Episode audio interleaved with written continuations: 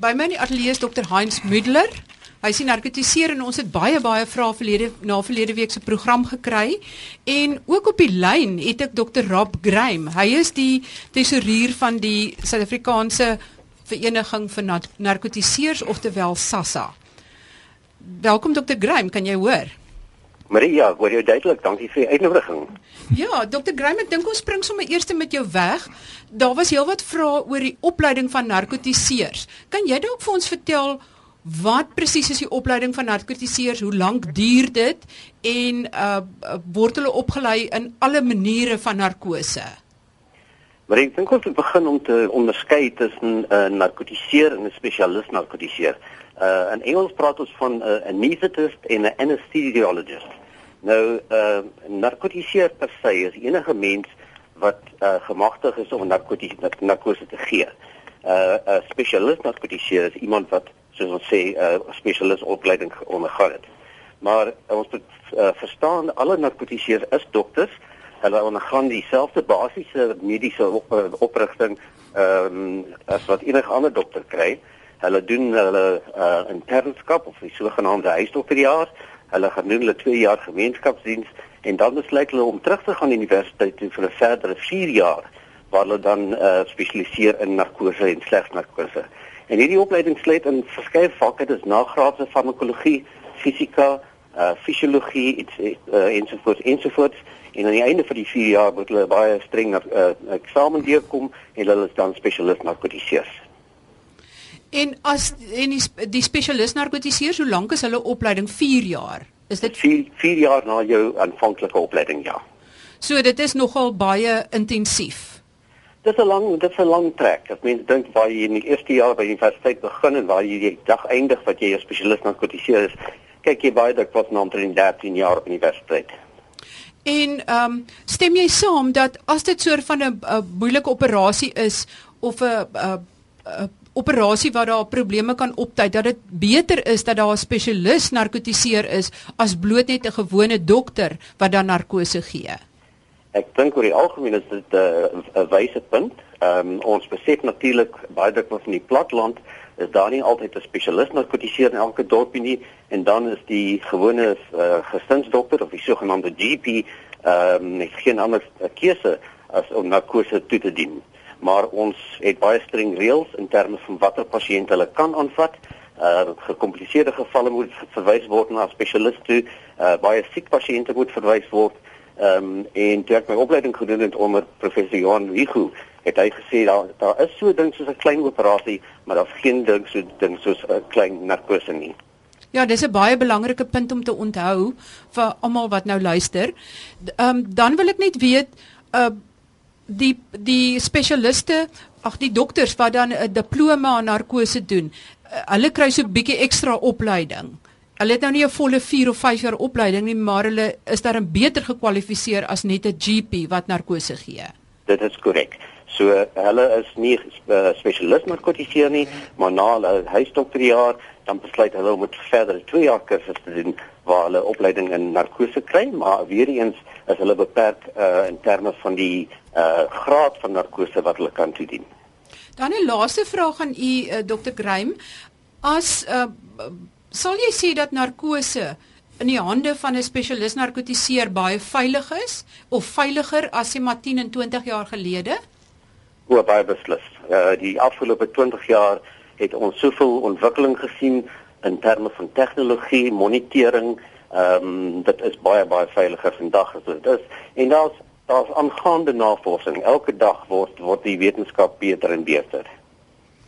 Ehm um, is daar nog 'n belangrike boodskap wat jy graag vir luisteraars wil oordra?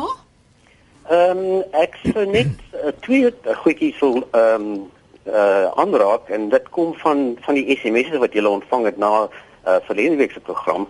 Ehm um, uh, een baie um, interessante een wat ek gekry het is hoe weet ek ehm um, wie is 'n goeie narkotiseer en hoe kies mens want baie dikwels as dit die spesialis vir die narkotiseer bespreek en die pasiënt het geen inset daarin.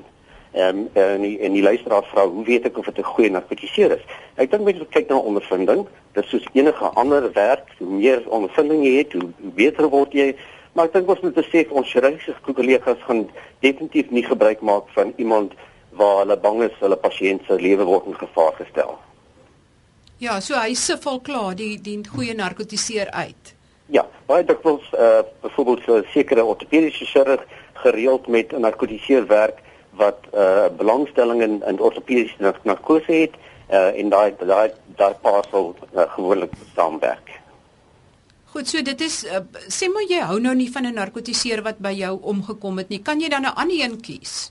Definitief. Dit bly die pasiënt reg om te besluit wie hulle narkose gaan gee en dit uh daar's verskeie redes wat pasiënte baie dikwels gee. Ek wil nie daar te, te diep daarop ingaan nie, maar dit bly aan die einde van die dag die pasiënt se reg en jy het die reg om vir jou om jou chirurg te sê ek het in die verlede 'n slegte ondervinding met dokter X gehad en ek sal verkies dat jy iemand anders kry om met narkose te doen. Baie baie dankie dokter Graham. Ek waardeer dit dat jy bereid was om op lig uh, met die luisteraars te gesels en van die vrae te beantwoord. Baie dankie Marie, lekker dag vir julle almal. Baie dankie. Totsiens. Totsiens. Ons is nou terug by Dr. Heinz. Marie. Heinz, een van die baie vrae of baie van die luisteraars het gevra, hoekom voel ek so naar na narkose? Dit was nogal 'n algemene probleem. Ja, ek dink dit is seker buiten pyn is naarheid seker die mees algemeenste en jy weet as 'n mens naar is dan dink jy aan niks anders nie, dan is alles vir, vir jou sleg. Ehm um, daar's verskeie redes. Uh die algemeenste is maar seker die die narkosemiddels wat jy gebruik. Ehm um, en dan weer eens party mense is naar met een narkose en met dieselfde narkose is 'n ander persoon glad nie naar nie. En die ou dae het mense uh, gasse gebruik om mense aan die slaap te hou en van die gasse is bekend om naar te maak. Ehm um, dit hang af wat die narkotise gee vir pyn, soos byvoorbeeld morfine is geneig om jou naar te maak, selfs Pethidine of enige van hierdie opiate. Ehm um, so daar's klomp redes daarvoor, maar die beste behandeling is eintlik voorkomend en dit is hoekom narkotiseers tydens verskeie operasies voor die tyd voor jy nog wakker word al vir jou goed gee vir naarheid. Ehm um, dis altyd goed om vir jou narkotiseer te sê jy raak baie naar sodat hy dan alles kan gee wat moontlik is. Ek sien ook een van die vrae was ehm um, dat iemand 7 jaar gelede 'n hartomleidingsoperasie mm. ondergaan het en nou as hy koffie drink word hy naar. Het dit enigiets met die narkose nog te doen? Ek kan my dit nie voorstel nie want die narkose narkose vernaam met oop hart operasies uh as jy die in fisies afsit, is dit binne minute is dit eintlik uit jou liggaam uit en word dit gemetaboliseer. Daar is party van die goeters wat nog 'n ruk inbly, maar dit is gewoonlik nie 'n uh, 'n uh, probleem nie. Dit is baie gou uit die liggaam uit. Ehm um, vernaam die moderne narkoses, maar selfs ook die ou narkose, dit werk nie lank nie. So as die ou nog altyd 'n uh, uh, naar is na koffie en dit dan dan is daar waarskynlik 'n ander rede daarvoor. Hy hy koppel dit nou maar net aan sy operasie en dit is baie keer wat mense doen. Jy weet, hulle koppel dit aan 'n insident en dan steek hulle vas daarbey. So mense moet al altyd soek vir 'n ander diagnose. Jy kan 'n gastritis hê, so jou maagslijmvlies wat geïrriteerd is of jy kan 'n uh, lewerprobleme hê. So mense moet maar liewer kyk, jy weet, of daar nie dalk iets anders is nie. Een van die vrae was ook van 'n luisteraar wat gesê het 'n man is allergies vir morfine ja. as 'n pynstiller. Wat is dan die alternatief ja. daarvoor? Mense moet net 'n gedagte hou dat baie keer verwar pasiënte allergie met neeweffekte. Dit beteken nie as ek morfine gekry het en ek is naar dat ek allergies is daarvoor nie. Dis 'n neeweffek en ehm uh, pasiënte moet net daarop eh, bedag wees dat hulle net vir 'n narkotiseer sê jong ek's allergies vir dit nie. Jy kan wel sê dit maak jou naar, dat dit jou sleg voel.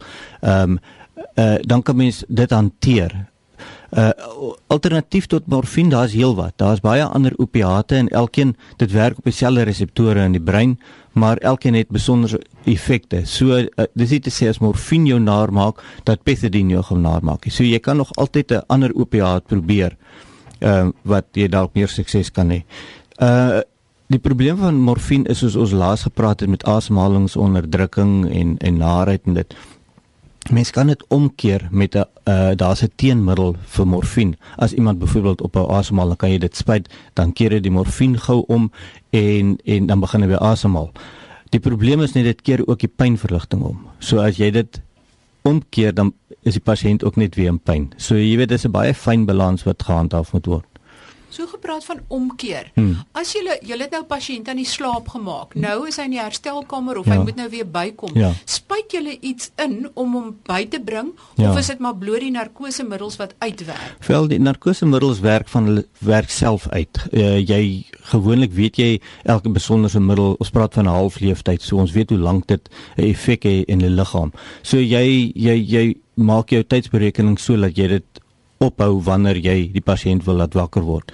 Maar klomp keer het jy spierverslappers gebruik wat dalk lank werk en dit is ongewens as jy sê maar na 'n halfuur 'n pasiënt wil wakker maak maar jy het toevallig enige gebruik wat jy het gedink operasie gaan 'n uur wees. So dan is dit maklik om die pasiënt wakker te maak maar nou gaan hy nog nie beweeg nie en dit is waar die meeste probleme kom met pasiënte wat sê hulle het 'n nare ondervinding gehad. In daardie geval kan jy dan die spierverslapper omkeer. So 'n spierverslapper werk deur aan sekere reseptore te bind en dan verhoed hy dat spiere saamtrek. Nou gee jy 'n ander middel wat sal kompeteer met daai binding en die spierverslapper word vrygestel van die reseptor en dan begin die spiere weer saam te trek. So jy jy kan 'n uh, 'n omkeer gee wat 'n kombinasie is van twee middels. Uh maar ook kan 'n mens partykeer uh is jou spierverslapper al lankal uitgewerk en dan is dit dalk nie eers nodig nie. So uh, die narkotiseer sal weet in watter omstandigheid om dit te gee. Nog 'n vraag van uh, wat gereeld opgekom het, was oor ek het gesukkel om wakker te word Ja. of wat ja, dit is waarskynlik dit. Jy weet hulle raak bewus, maar hy kan nog nie hoes nie en hy kan nog nie sy hand optel nie. Sy spierverslapper is nog nie heeltemal uit nie. Dis die een oorsaak, die ander ding is sê nou maar 'n pasiënt het geweet dis 'n pynlike operasie en die narkotiseer het uh sê maar 'n uh, halfuur of 'n kwartuur voor hy klaar is vir 'n morfine intraveneus gespuit en dit hou hom baie slaperig en pynvry. So hy is wakker maar hy's baie de mekaar. En dit is waarskynlik dan nie net van die narkosemiddel nie, maar van die pynstiller wat hy gekry het wat 4-5 ure gaan werk. So hy moet dankie sê dat hy Dis of nie- pyn of wakker. of of pyn of wakker. Dit is dan kies ek maar eerder pynvry. Ja, ek wil net een ding ook beklemtoon wat Graham van gepraat het wat baie belangrik is, voel ek. Ehm um, baie keer uh, as jy jou narkotiseer kies. Ehm um, soos hy ook gesê het, 'n chirurg werk saam met sekere narkotiseers. En ek ek vind mens moenie daai verhouding of daai span onnodig probeer breek nie. Ehm um, vir verskeie redes. Ehm um, jy die narkotiseer weet wat die chirurg doen. Hulle weet as hulle 100 knievervangings doen 'n maand, watter pasiënte gaan nie pyn hê nie, wat om te doen in dit. So jy kan dalk jou eie narkotiseer omdat jou buurman narkotiseer is vir hom vra en dit is heeltemal reg, maar as hy nie deel is van hy span nie, dan is hy ook ongemaklik in daai teater want hy weet nie presies wat die chirurg doen nie. Hy weet nie hoe werk die storie nie want hy doen dalk ander tipe operasies. So 'n uh, mens moet baie mooi dink voordat jy 'n spesialis span waar spesialiste betrokke is, uh wil breek met 'n ander spesialis. Uh so jy weet jy kan jou narkotiseer kies, veral as jy gesê het as jy 'n slegte ondervinding gehad het, maar jy moet net twee keer dink want elke al is almal spesialiste, het jy sekere voorkeure wat jy doen of sekere lyste wat jy doen. Ek sal byvoorbeeld nie vir jou vir 'n heupvervanging wil doen nie want ek doen net harte. Maar die ou wat almekaar jou heupe doen, die chirurg se heupe doen, gaan mos nou die natuurlike keuse wees. Hoekom sal ek, jy weet, so omdat jy my buurvrou is, sal ek dan vir jou sê, maar jy weet, gebruik liewer die ou wat hy altyd gebruik. Al ken jy my. Tensy dit nou iets is wat ek altyd doen. Jy weet, dan is dit 'n ander saak, maar dit raak so gespesialiseer selfs op hierdie vlak dat elke ou doen naderhand ook net sekere tipe operasies. Ehm um, dit is baie interessant want ek sê ook altyd vir die luisteraars maak seker dat jy die beste dokter kies Ja. vir daai operasie wat jy moet ondergaan. Ja. Nou deurdat jy eintlik die beste chirurg kies vir 'n spesifieke prosedure, Hmm. Ja. kies jy eintlik sekondêr die Ja. beste narkotiseer vir die reg. vir die prosedure Ja. want die 'n goeie chirurg Ja. sal 'n goeie narkotiseer kies. Ja, dis 'n span wat jy kies en 'n mens moet nie sommer dit breek nie. As ek byvoorbeeld sê nou ek moet 'n operasie nou gaan doen in 'n hospitaal waar ek nie altyd werk nie en dit is selfs 'n operasie wat ek gereeld doen. Ehm um, as iets gebeur of ek moet iets doen, ek weet nie waar hulle die goed hou in die laai nie. Ek weet nie waar is die goed in die teater nie want ek werk nie daar nie. Maar in my teater waar ek elke dag werk, kan ek sommer net die laai oopmaak en dit vat sonder om te kyk want ek weet waar is alles. En jy weet dit is klein dingetjies wat groot verskille maak. Ehm um, so jy weet is uh, los die span sover so wat jy kan. Ja, en dit self dit geld selfs vir die teater verpleegsters ja. wat daar is wat ook presies weet waar om te vat Hulle weet waar om te hardloop om dit te kry en dit jy weet so uh, uh die die dinamika van in 'n in 'n teater is baie belangrik en en en dit is 'n faktor wat ek dink die gewone publiek dalk baie onderskat want hulle dink dit is net die dokter of net die narkotiseer maar jy weet dit is 'n hele simbiose van aktiwiteite Ja, inter, interessant genoeg iets wat daarbey inskakel is dat ehm um, 'n baie goeie hartchirurg wat ek ken, hmm. het al gesê dat 'n goeie assistent, ja. die chirurg wat haar assisteer, ja. kan 'n halfuur hmm. tot 'n uur die ja. operasie korter maak deurdat hy presies weet waar om te vat en waar om te los. Dis hoekom ehm um, delikate operasies soos hartoperasies ehm um, raak jy gewoond aan jou assistent en die assistent is gewoond aan die chirurg. Hulle weet, hulle hoef nie te praat en te sê vat hier los daar nie. Die assistent weet en en dit spaar baie tyd. Dit uh veroorsaak dat jy baie minder komplikasies kry. Uh so jy weet dit is dis baie belangrik. Goed dan soos nou weer terug by die narkose deel. Een van die vrae was my seun is 16 jaar oud en hy het 'n breintumor en hy moet gereeld narkose kry. Hmm. nou kan gereelde narkose sê maar as jy elke 3 maande narkose moet kry. Hmm. Kan dit 'n langdurige nadelige uitwerking op die liggaam hê of werk ja, daai stowwe eintlik maar uit? Dit werk uit. Daar was baie daar is sprake gewees in die verlede en dit word kort kort genoem dat ehm um, herhaalde narkose is dalk nie so goed jou kognitiewe funksie nie en dat jy dalk so so 'n paar breinselle verloor. Maar dit is nie eintlik bewys nie. So die narkose is veilig en as jy wakker is en en die middels is uitgewerk, dan is dit asof jy maar eintlik nie narkose gehad het nie. Dit het geen blywende effek nie.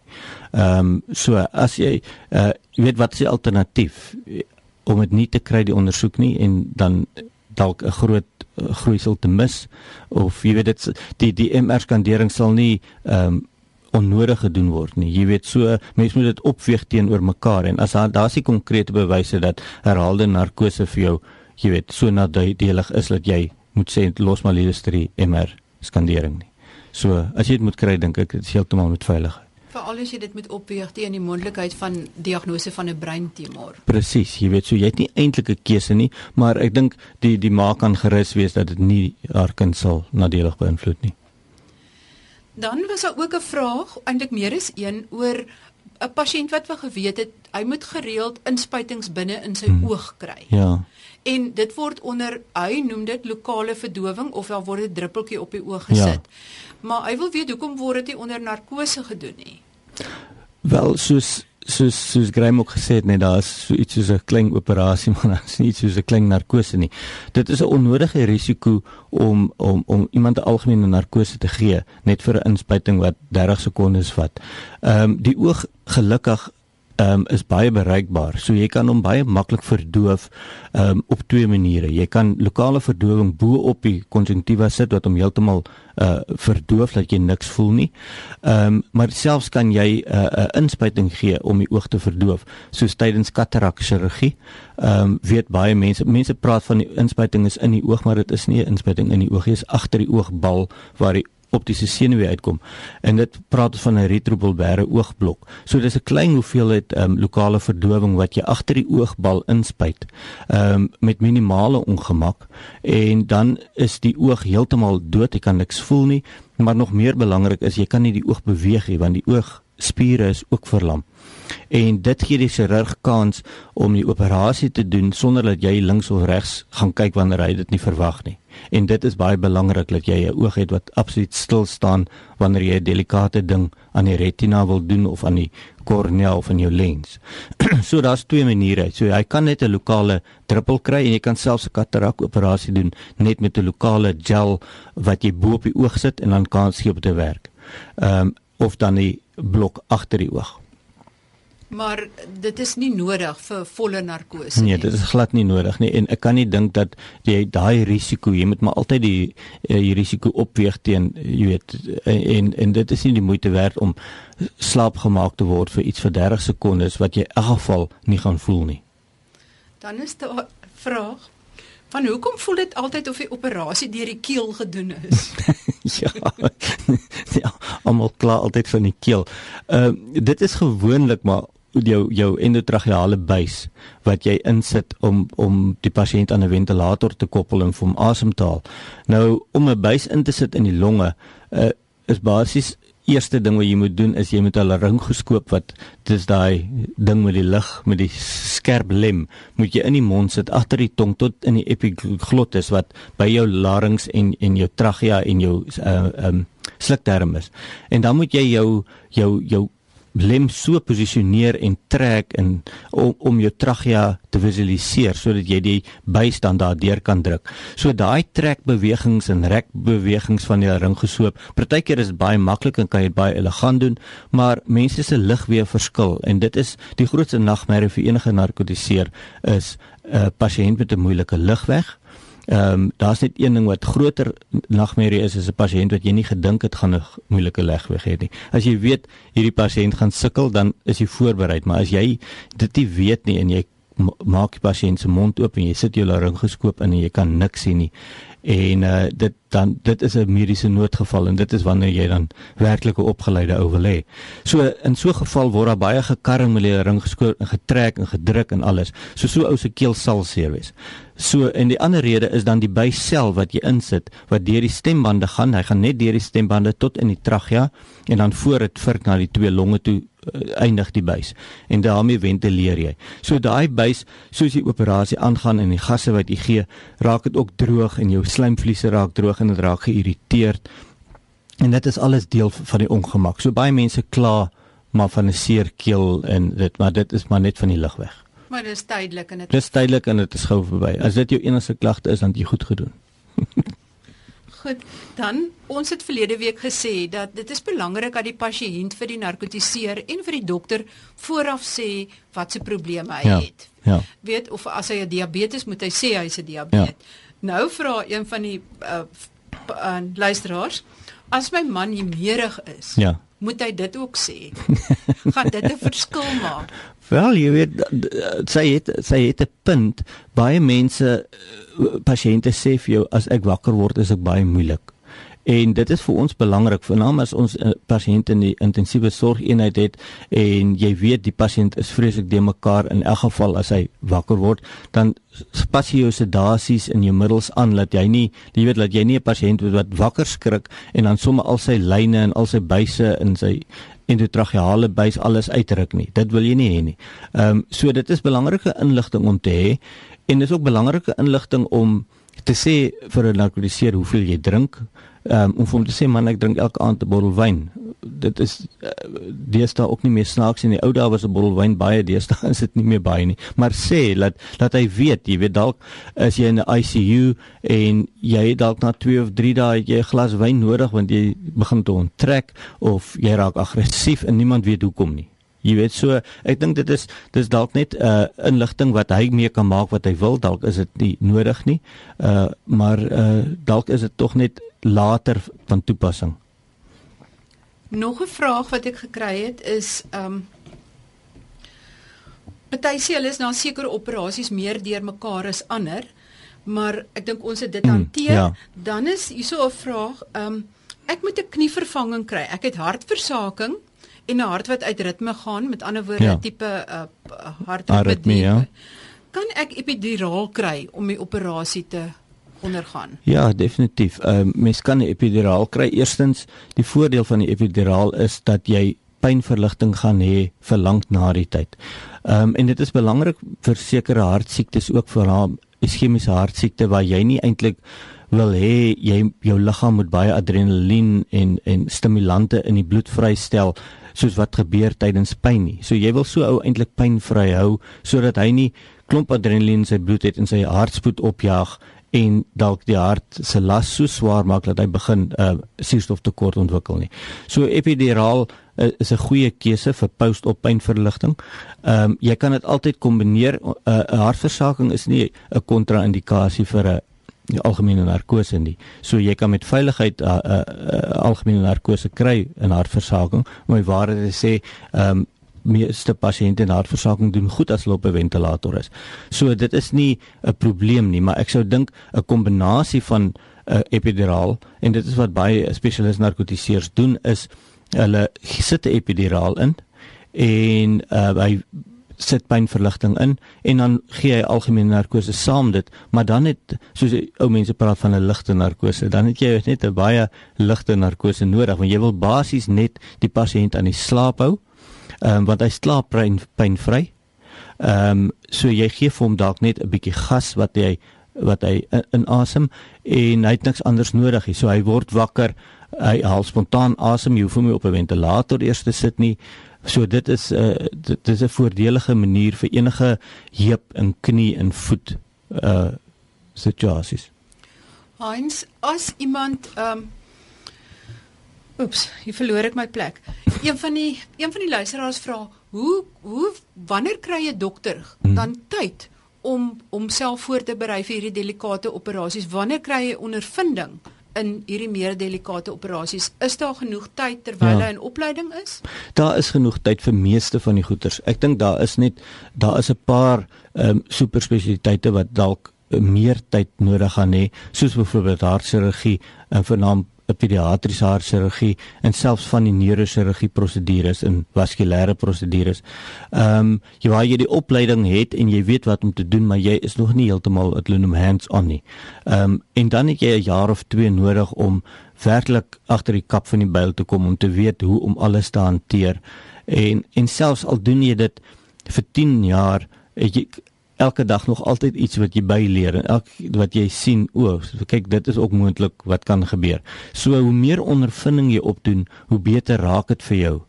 Uh so so 'n persoon wat sê nou maar dan uh uh oop hart operasies wil doen, dan moet hy vir 'n jaar of 2 gaan werk saam met mense wat net dit doen. Laat hy kan ondervinding opdoen en stadig aan in die ding inkom So op daai manier moet jy ekstra ondervinding opdoen. Maar vir gewone ehm um, operasies het het word die spesialiste eintlik baie goed opgelei en het hulle meer as genoeg ondervinding om feitelik enige iets te kan hanteer. Ja, dan kan ek miskien net die luisteraar gerus stel en sê dat met baie van hierdie delikate hartoperasies is daar inderwaarheid twee narkotiseers. Ja met die kritieke tye in die teater. So 'n ja. tweede narkotiseer kry eintlik kans om eintlik sy vaardighede te slyp. Absoluut, ja. So daar daar is 'n plek en daar is 'n manier om dit te kry. So as jy gaan vir jou hartoperasie, dan kan jy maar seker wees die ou gaan weet wat hy doen, want ek dink nie um, op daai vlak sal mense iets aanpak as jy nie weet hoe om dit te doen nie. Hans het nou nog gesê dat hartversaking is nie 'n kontra-indikasie hmm. dat daar 'n uh, narkose toegedien kan word nie. Ja. Maar wat is dan eh, wanneer is dit gevaarlik om narkose te gee? Wat is kontra-indikasies? Daar is baie kontra-indikasies, maar me, meeste van hulle is omkeerbare ehm um, kontra-indikasies. En die belangrikste is pasiënte met erge kroonaar siekte. Ehm um, want dit is die pasiënt as jy byvoorbeeld 'n pasiënt het met wat angina gereeld kry en hy moet nou gaan vir 'n rugoperasie. En die chirurg tydens die rugoperasie wil nie die bloeddruk hoog hê nie want dan bloei hulle te veel en jy moet die bloeddruk laat sak wat ons praat van 'n hipotensiewe narkose. So dis dit dit is 'n doelbewuste verlaging van die bloeddruk sodat daar nie uh, so baie bloeding is in die area waar die uh, die chirurg werk nie.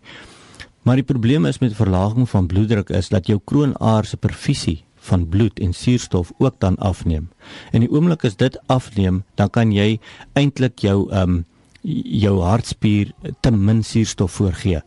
En die oomblik as dit gebeur kan jy hartaanval kry en en dit dit dis 'n gevaar. So as jy so 'n pasiënt het, dan wil jy eintlik eers hê die pasiënt moet gaan vir 'n angiogram, gaan kyk hoe lyk hy kroonare en as hy dan moet 'n uh, stent kry of 'n hartomleiding kry, dan kry hy dit eers en dan kry hy sy rugoperasie. So dit is hoekom dit belangrik is om al hierdie goedjies te sê vir 'n narkotiseer as jy gereeld borskaspyn kry of al hoe moer moer raak as jy stap dat daai dinge uitgesorteer kan word. Ehm um, so dit is ander kontra-indikasies. Ek wil daar is daar's klomp kontra-indikasies vir sekere prosedures of vir sekere narkose tegnieke, maar dit sal die spesialis oor besluit. Ehm um, maar meeste van die goed is omkeerbaar wat jy kan mediese behandeling voorkry of alternatiewe narkose tegnieke. Dankie Heinz. Ek dink ons het Heinz het baie ander belangstellings buite narkose. Uit om die waarheid te sê, het hy 'n boek ook geskryf en een van die goed wat ek graag by hom wil hoor is in een van die James Bond ja. films het ehm um, is een van die karakters met verf besmeer. O ja, die die golden ja. ja. En nou wil ek weet wat gebeur? Kan jou vel nog asemhaal as jy nou so bedruip is van verf? Wel eintlik ja, ehm um, dit is dit is 'n mitte wat uh, wat eintlik medisy ook vir jare geglo het wat Fleming eintlik self begin het. Hy het in sy oorspronklik in die boek het hy geskryf dat 'n mens, jy weet, jy kan nie toegever word nie want jou asem moet asemhaal. En as jy dit doen dan uh, is die dood onverwenbaar. En met 'n uh, 'n Goldfinger waar hulle die meisie in verf goue verf terwyl Bond gestort het, het hulle op die bed goud geverf en toe hy uit die stort uit kom toe sy mors dood van versmoring. Ehm um, selfs toe hulle die die die film geskiet het, was hulle bang vir haar gesondheid en hulle het aangedring dat hulle nie haar buik moet verf nie sodat daar 'n deel is wat nog kan asemhaal. Kan asemhaal. En dit is eintlik in en en almal het dit geglo en dokters het dit ook geglo vir jare, maar dit is eintlik glad nie waar nie. Solank jou mond oop is en jou vir jou neus oop is, dan kan jy. Daar is natuurlik ehm um, hemostase wat later gaan probleme gee in temperatuurregulering as jy al jou stoma en goeters toeverf, maar dit is kom eers na die tyd. Jy sal nie versmoor nie. Ja, en jy sal ook nie binne 'n paar minute doodgaan nie. nee, jy kan nog tyd hê om dit af te spoel saam met bond. Nou op daai ligter noot sluit ons aan hierdie program af. Onthou volgende week gesels ek met Dr Lize Waig, sy's 'n psigiater, en ons gesels oor daardie probleem wat baie ouers al teëgekom het dat as hulle kinders eksperimenteer met dagga of enige ander middel dat hulle koppe so bietjie uithak. As ek nou die gewone leuke term kan gebruik.